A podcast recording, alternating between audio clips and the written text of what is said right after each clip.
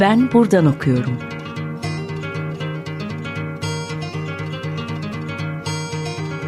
Edebiyat ve başka şeyler.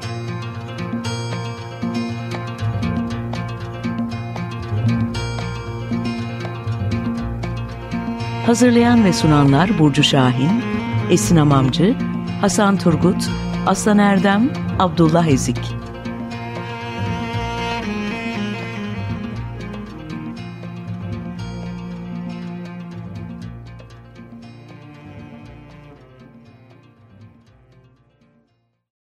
Herkese merhaba. Ben Hasan Turgut. 95.0 Açık Radyo'dasınız. Ben buradan okuyorumun yeni bölümünde Selen Erdoğan'ı ağırlıyoruz bugün. Selen hoş geldin. Merhaba, hoş buldum. Kendisiyle Bilge Karasu'ya odaklanan bir program yapacağız. Başlamadan önce kısaca Selen'i tanıtmak istiyorum size.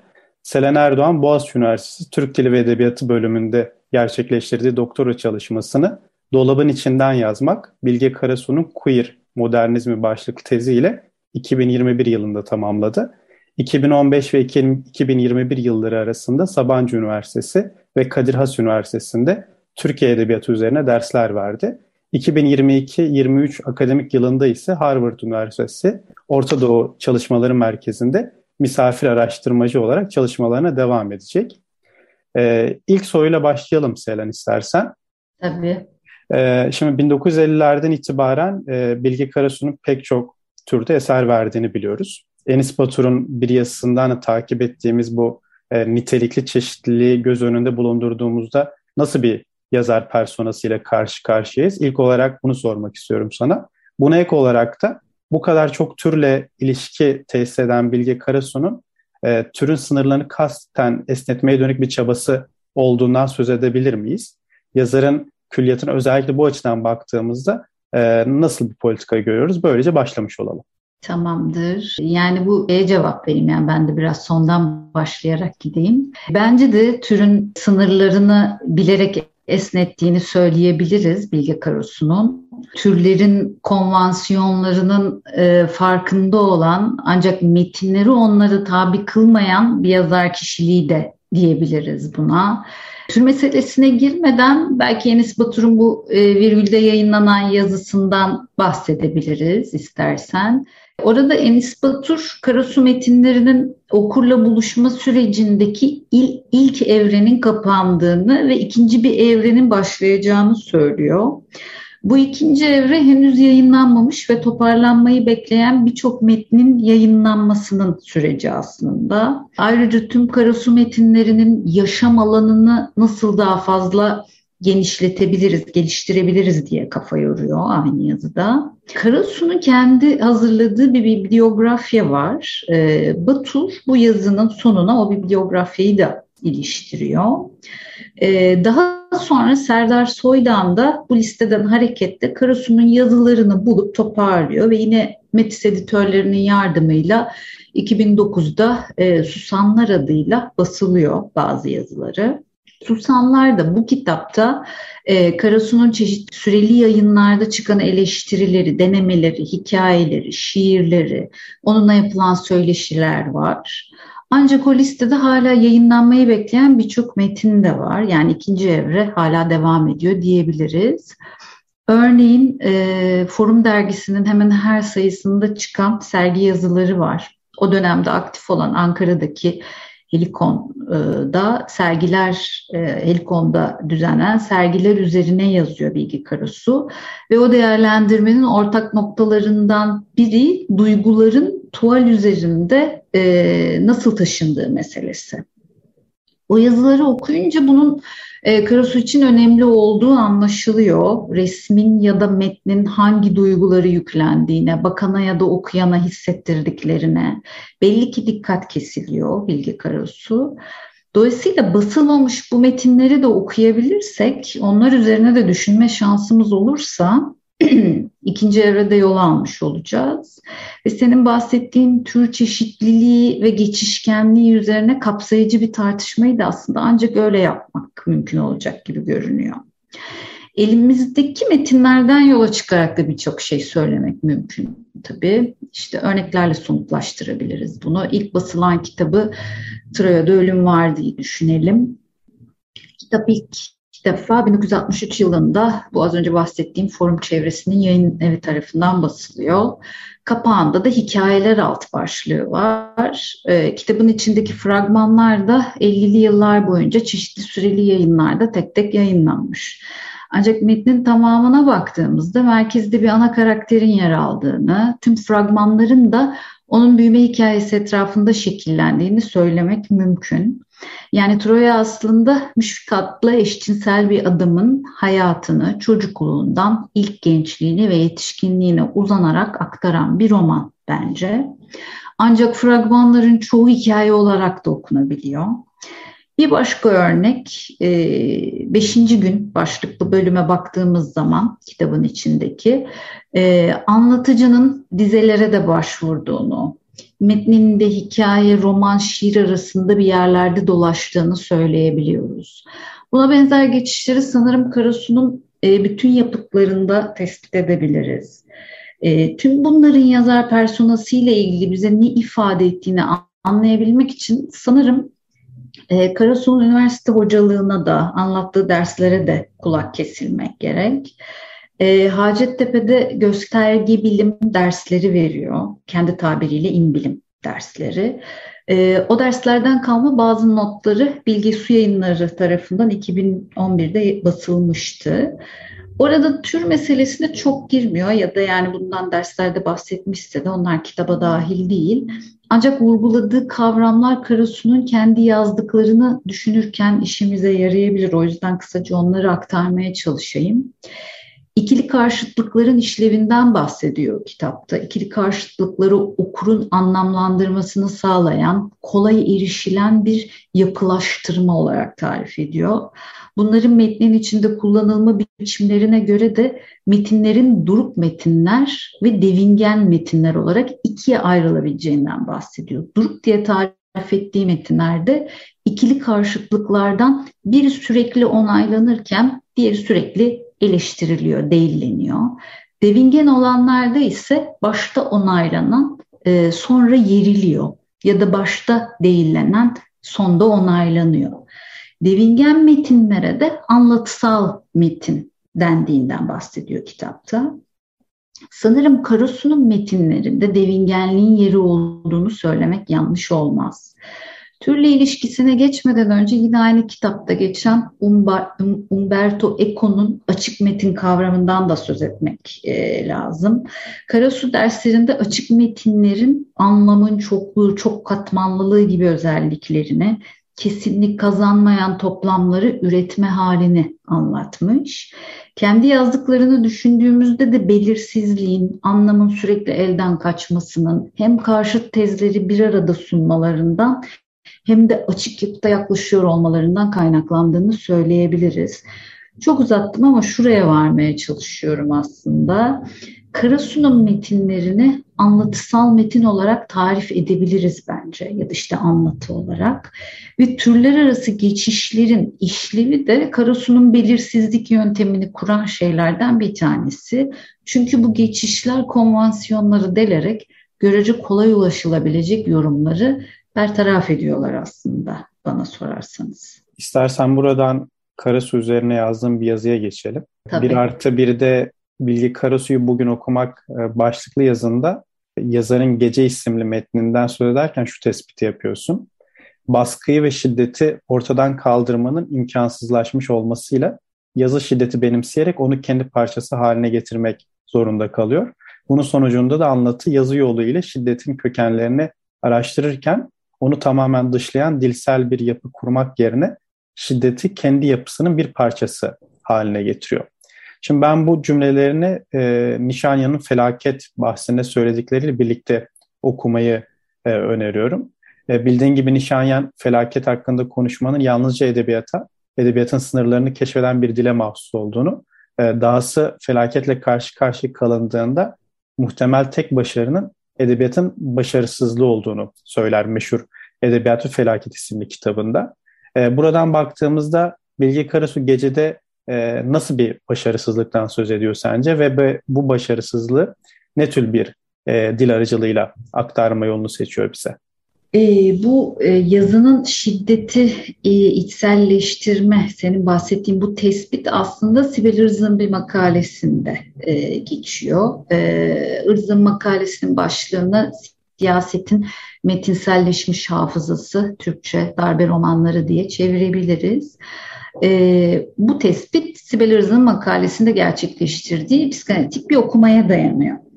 Mark Nishanya'nın felaket kavramına gelince yine edebiyattan çıkan bir kavram. Bu bildiğim kadarıyla Ermenice ayet kelimesinden geliyor ve Zabel Yesya'nın yazdıklarından alıyor bunu Nishanyan.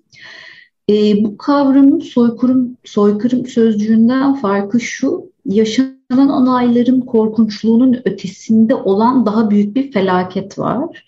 Nişanyan yaşananları anlatabilecek olan tanıkların ortadan kalkmış olmasını en büyük felaket olarak tarif ediyor.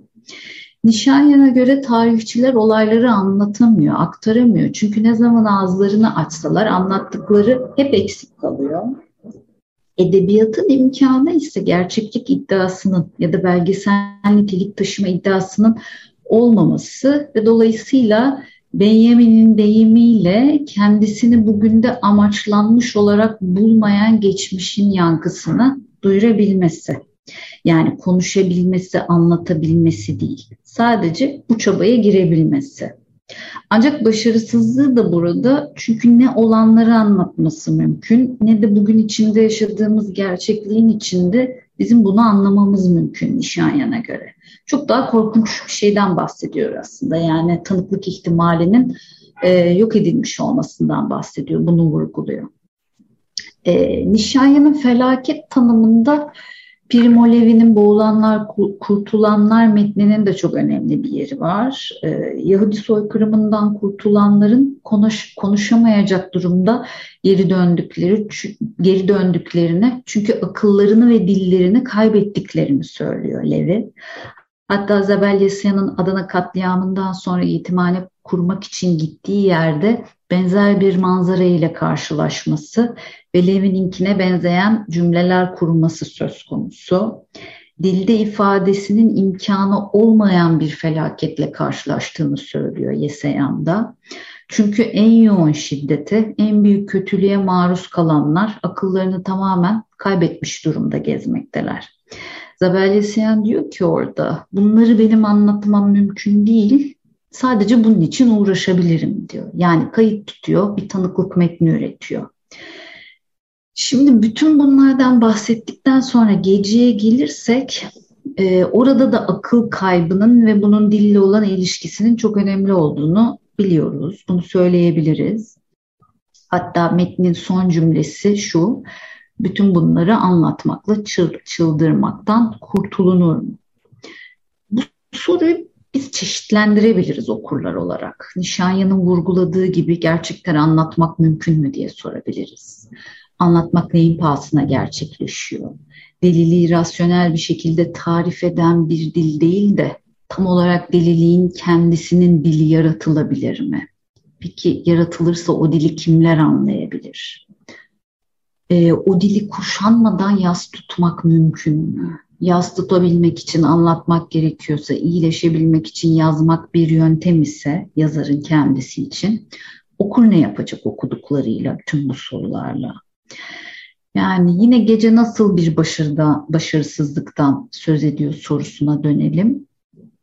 Tüm bu soruların bizi çıkmazı sürüklediği bir dünyanın bize devrettiği bir delilik dili belki e, burada ortaya çıkan deliliğin kıyısında, köşesinde, e, uçurumun dibinden yürür gibi bir his uyandıran bir dil ve yapı yaratılıyor gecenin dünyasında. Aklına mukayyet olsa şiddeti ifade etmekten uzaklaşacak.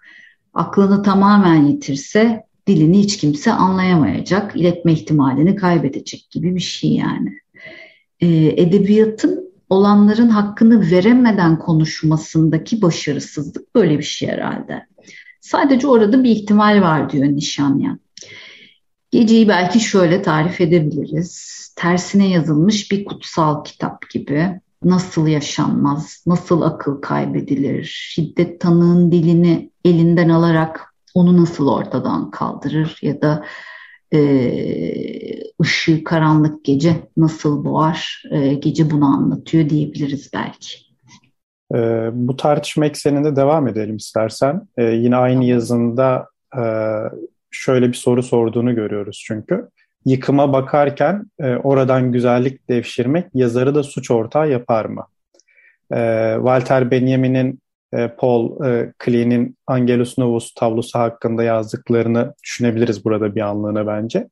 E, biliyorsun Benjamin tarih meleğinin tıpkı bu tablodaki meleğin görünüşünde olduğu gibi e, felaket karşısındaki kaçınılmaz tanıklığına işaret eder. E, doğru akan ancak e, geçmişin yıkıntılarına bakmaktan da kendini alıkoyamayan bir melektir bu. E, Bilge Karasu da demin senin de söylediğin gibi bunları yazmaktan bunları yazmakla çıldırmaktan kurtulunur mu e, diye soruyor gecenin son cümlesinde. E, buradan baktığımızda yazı şiddeti anlatırken, yıkıma yer açarken ve bütün bunları e, estetize ederken ne yapıyordur sence? E, Bilge Karasu bu noktada ne gibi stratejiler uyguluyor? E, biraz bunları konuşalım. Tabii. E, bu mesele aslında Nurdan Gürbilek'in e, Kotsi üzerine yaptığı bir e, incelemesinde e, derinleştirdiği bir şey. Ben orada onun bu konu hakkındaki yorumlarını hatırlatıp Karasu ile ilişkisini kurmaya çalışıyorum. E, geceyi yıkımı estetize eden bir metin olarak değil de bu türden bir estetizasyon üzerine düşünen bir metin olarak görmek gerekir gibi geliyor bana e, söz konusu şiddet olduğunda e, biçimsel deneyselliğin bir darboğaza girme imgesiyle örtüştüğünü, okuru da oraya soktuğunu iyi örnekleyen bir metin olarak tarif edebiliriz geceyi. Nişanya'nın tanımladığı şekliyle bir tanıklık metni olarak değerlendirebilir miyiz acaba diye biraz daha düşünelim. O satırların arasında bir yerlerde metnin labirentvari yapısının içinde e, şiddet karşısında aklını yitirmenin, dilini kaybetmenin, hatta şiddetten azade bir dili yitirmenin izleri şüphesiz var. Ama başka bir şey daha var. Oraya da dikkat kesilmek gerekiyor bence. E, kurumsal şiddetin normatif şiddetle olan ilişkisi de ortaya çıkıyor orada kamusal alandaki şiddetle özel alandaki arasındaki sınırı bulanıklaştıracak şekilde derinden ilişkili görünüyorlar bunlar gecede. Notos'ta çıkan başka bir kara su yazına geçelim buradan itibaren istersen. Bu dergide çıkan Dikenli Yürüyüş başlıklı yazında Karasu'nun uzun sürmüş bir günün akşamı kitabını Can Emery'den yardım alarak okuyorsun. Ee, ikona kırıcılık döneminde yaşayan iki keşişin Andronikos ve e, Joachim'in imparatorluğunu aldığı yasak kararı karşı yöneldikleri farklı tercihleri odağına alan bir yazı bu. Bu iki kişinin Emery'nin tabiriyle sarsılmaz, huzurlu ve güçlü kalmak yerine kuşku ve açmazlarla imtihan edilen karakterlere dönüştüklerini söylüyorsun bu yazında. E, şunu merak ediyorum. Andronikos ve Joachim nasıl bir tercihte bulunuyorlar ki bu tercihler onları bir imtihan anlatısının içine yerleştiriyor? E, yazıya Emery'den bir alıntıyla başladım. E, çünkü e, uzun sürmüş bir günün akşamın içindeki ilk iki bölümde e, adada ve tepede masaya yatırılan inanç meselesine dair bir içgörü taşıdığını düşündüm o alıntının. O kısımda Avery toplama kampında Hristiyanların ve Marksistlerin kendisi gibi şüpheci aydınlara acıdığından bahsediyor. E, iki grubun sarsılmaz doğruları, ilkeleri olduğunu ve bu ilkelerin onlara kendisinde olmayan bir huzur ve devam etme gücü verdiğini anlatıyor. İnancın verdiği bu gücün insanın kendi kapasitesini aşmasını, sınırlarının ötesine geçmesini, bir sürekliliğin yani bir kolektivitenin parçası olmasını sağlamasına yönelik bir imrenme hissettiğinden bahsediyor. Evren'in kitabının bağlamı çok farklı tabii ancak inanç ve müdahale etme kapasitesi arasında kurduğu bağ uzun sürmüş bir günün akşamını okurken benim için metinden çıkaracağım bazı soruları belirginleştirdi inanç uğruna kişi neleri göze alabilir ya da almalıdır? İşte kahramanlık neye yarar gibi. Ee, Joachim Andronikos'a gelecek olursak e, şunu söyleyebilirim. E, bize yönelen şiddet karşısında ne yapabiliriz sorusuna Andronikos ve Joachim farklı tercihlerle farklı cevaplar sunuyorlar. Andronikos inancına sahip çıktığını düşünerek kaçıyor. E, ancak adadaki inziva sürecinde ölümden korktuğu gerçeğiyle yüzleşiyor. Bu yüzleşme ona inancının gücünü sorgulatıyor, gerçekliğini sorgulatıyor. Burada biz okurlar olarak inanç yerine etiği koyabiliriz ya da işte Emre'nin yaptığı gibi siyasi düşünceyi, e, ideolojiyi de koyabiliriz. Andronikos kendi korkusuyla yüzleştiğinde yemin etmemek üzere geri dönmeye karar veriyor ve geri döndüğünde de hiç durmadan konuşma cezasına çarptırılıyor ve konuşarak ölüyor. Andronikos'un geri döndükten sonra yaşadıklarına yakından tanık olan kişi de en iyi dostu Joachim. Adonikos konuşurken Joachim susup dinliyor. Karşısında yemek yiyor, uyuyor. Onun çektiği acıyı hem izliyor ancak ortak olamıyor. Bu nedenle Joachim'e e, suçluluk ve utanç kalıyor. Tabii tanıklık da ona kalıyor. Andronikos ise bir kahraman olarak ölüyor. Bunun karşısında Joachim'in yükü ayağındaki diken imgesiyle ifade ediliyor.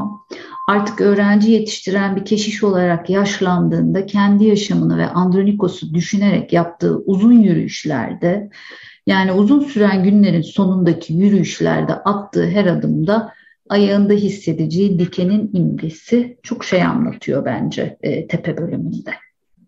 Ee, son bir soru sorayım sana. Karasu'nun Bilge Karasu adlı birinin 50. yaşı üzerine Metin Taslağı isimli ironik yasına kısa bir alıntı yapacağım önce. Şöyle ki, bu adam soyunmak, çok gerekli vazgeçilmez sayılabilecek 3-4 parça şey dışında evini, çevresini dolduran her şeyden sıyrılmak ister. Kimi zaman sevgilerinden, sevdiklerinden bile.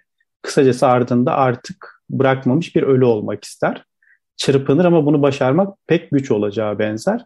İlginç cümleler bunlar. Ee, Karasu'nun arkasında oldukça yalın bir miras e, bırakmak istediğini gösteren bu cümlelerden e, yola çıkarak soralım o zaman. Karasu'dan bize ne kaldı gerçekten?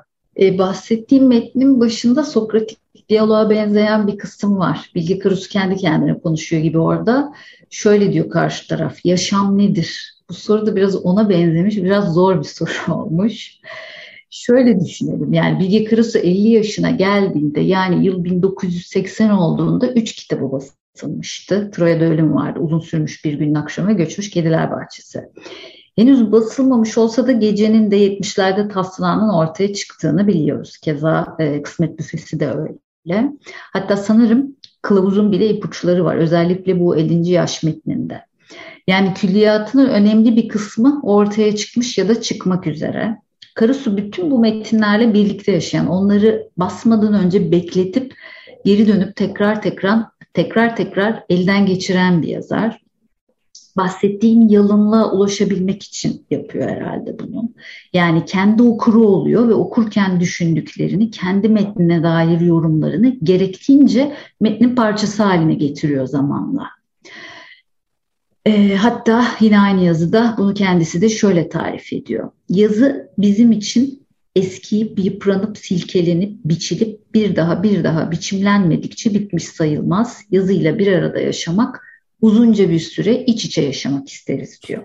Yani dolayısıyla bence de dediğin doğru. Yalınlık önemli ve yalınlaştıkça da derinleşen eserler e, yazıyor Karasu.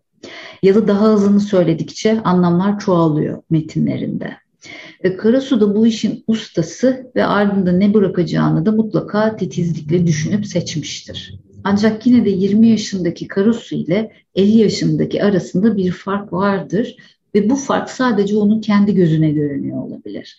Belki soyunmak derken o farkın tortusundan uzaklaşmaktan bahsediyor olabilir, bilemiyorum. Ama ben de e, o yazıda Karasu'nun dediği gibi e, kumruya niyet çektirir gibi konuşmaya devam edeyim. O metinde aynı zamanda gözetlenmekten bahsediyor. Okurun okuduklarıyla ne yaptığını düşünüp düşünmediğini soruyor. Yani belki şöyle diyebiliriz. Karasu'dan bize incelikle, titizlikle olduğu kadar e, temkinli de yaklaşmamızı gerektiren zor sorular kaldı bence. Örneğin kendini ya da başkasını öldürmek herkesin başına gelebilecek bir kazadır gibi bir cümlesi var aynı metinde. Biz bu cümleyle ne yapacağız mesela? Karasu'nun tek mutlu masalı olarak tarif edebileceğimizin kılavuzun paranoyadan, şüpheden, cinayetten geçilmez dünyasını nereye koyacağız? Yalın ama altından kalkması kolay olmayan bir miras bu. 50. yaş yazısının sonunda e, bu metnin bir taslak olduğundan bahsediyor. Bir kitaba gireceği vakte kadar pişeceğini, eklenecek şeyler olduğunu söylüyor. Özellikle son bölümdeki şu cümleyi hatırlayalım. E, Sevi'den yaşamın içinden katmer katmer bir yeni yaşam çıkarmak olan Sevi'den hiç açmadık burada. Yani burada hiç aşktan söz etmedik diyor e, kısaca. E, ben de e, bir Karasu okulu okuru olarak benim niyetimi çeken kumruya bakacak olursam şunu söyleyebilirim. Yalınlaşmaktan, sevgileri atmaktan ya da ölmek arzusundan bahseden biri olduğu kadar dolu dolu yaşam taşıran aşktan, sevgiden de dem vurmayı bilen, bunu önemseyen biri olduğunu unutmamamız lazım Bilgi Karasu'nun. Dünyada nasıl etik bir yaşam sürülebilir? Kişi ilişki kurduğu her canlıyla, varlıkla nasıl ahlaklı bir dengeye ulaşabilir sorusu benim herhalde en çok düşündüğüm şeylerden biri oldu Karasu'yu okurken diye bitirebilirim. Bu güzel soruların bıraktığı açıklıkla kapatalım o zaman biz de. Ancak kapatmadan önce de bu yakınlarda kaybettiğimiz e, radyomuzun kurucularından Cem Madre'yi de analım istersen. E, tüm Açık Radyo ailesinin başı sağ olsun. Teşekkürler Selen. Ben de çok teşekkür ederim. E, Açık Radyo'da konuk olmak benim için çok sevindirici. E, ve radyonun kurucularından e, Cem Madre'de her zaman müteşekkir olacağız tabii. E, yakınlarına da bu vesileyle başsağlığı dilemiş olalım. Çok teşekkür ederim. Ben teşekkür ederim. Evet ben e, buradan okuyorum da bugün Selen Erdoğan'la Bilge Karasu Edebiyatı'nı konuştuk. Diğer bölümlerde görüşmek üzere.